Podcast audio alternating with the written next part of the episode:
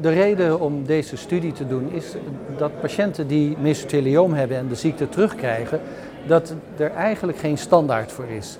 En dat we met alle nieuwe ontwikkelingen die er heden ten dagen zijn, moeten proberen of we de mensen betere kwaliteit van leven kunnen geven, maar ook een betere en langere overleving.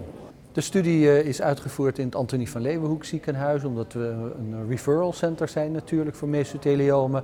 En patiënten werden um, gevraagd om te participeren, om dus de immuuntherapie uh, in deze single-arm fase 2 studie uh, te, te, ontvangen, maar ook biopten te krijgen aan het begin en tijdens de behandeling, na zes weken. Want dan kan je de beste verschillen gaan zien als je die biopten gaat analyseren tussen bijvoorbeeld T-cel uh, of macrofaag, influx, verandering in al die, al die cellen.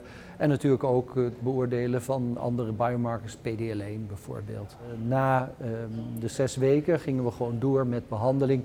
En we zijn nu met een heel aantal patiënten bezig die al nou, tegen het jaar aanlopen en uh, nog steeds een groep uh, een hele goede respons heeft. Nou, de belangrijkste resultaten van, uh, van deze studie uh, die zijn eigenlijk dat we een disease control rate op 12 weken statistisch gedacht hadden we komen op zo'n 50% Dat is ook wat we met de vorige studie, nivolumab alleen hadden.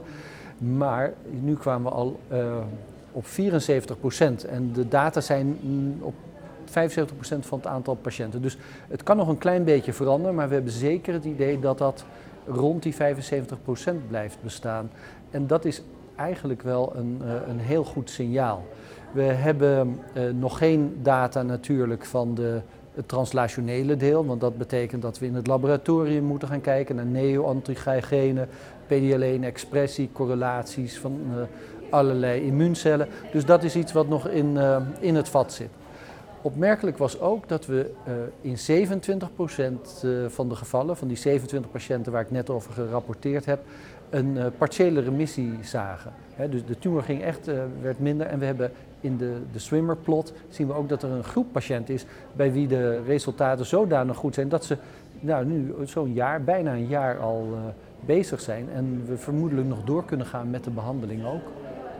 Er is altijd natuurlijk een uh, vraag over de toxiciteit, want we weten dat als je een uh, PDL, uh, PD1-blokker of een PDL1-blokker neemt, dan valt het allemaal wel mee. Maar ga je het met een CTLA4-inhibitor combineren, ja, dan moet je wel erg opletten op wat je de patiënten aandoet.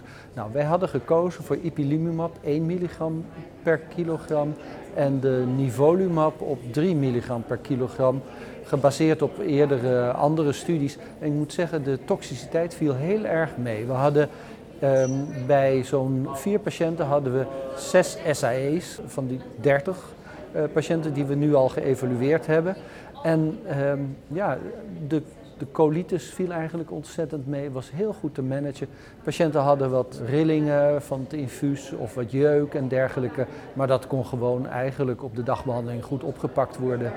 Uh, het T4 veranderde bij een enkele patiënt. En sommige patiënten hadden wel pleuravocht of uh, ascites wat ze zo ontwikkelden, dat het, uh, het slijmvlies eigenlijk ontstoken raakt. Maar toxiciteit viel ons erg mee.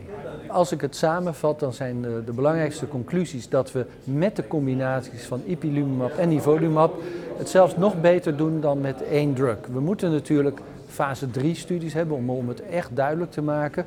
Er is al een fase 3 studie in eerste lijn met de combinatie uh, gaande. He, dus patiënten krijgen chemo of, of de immunotherapie.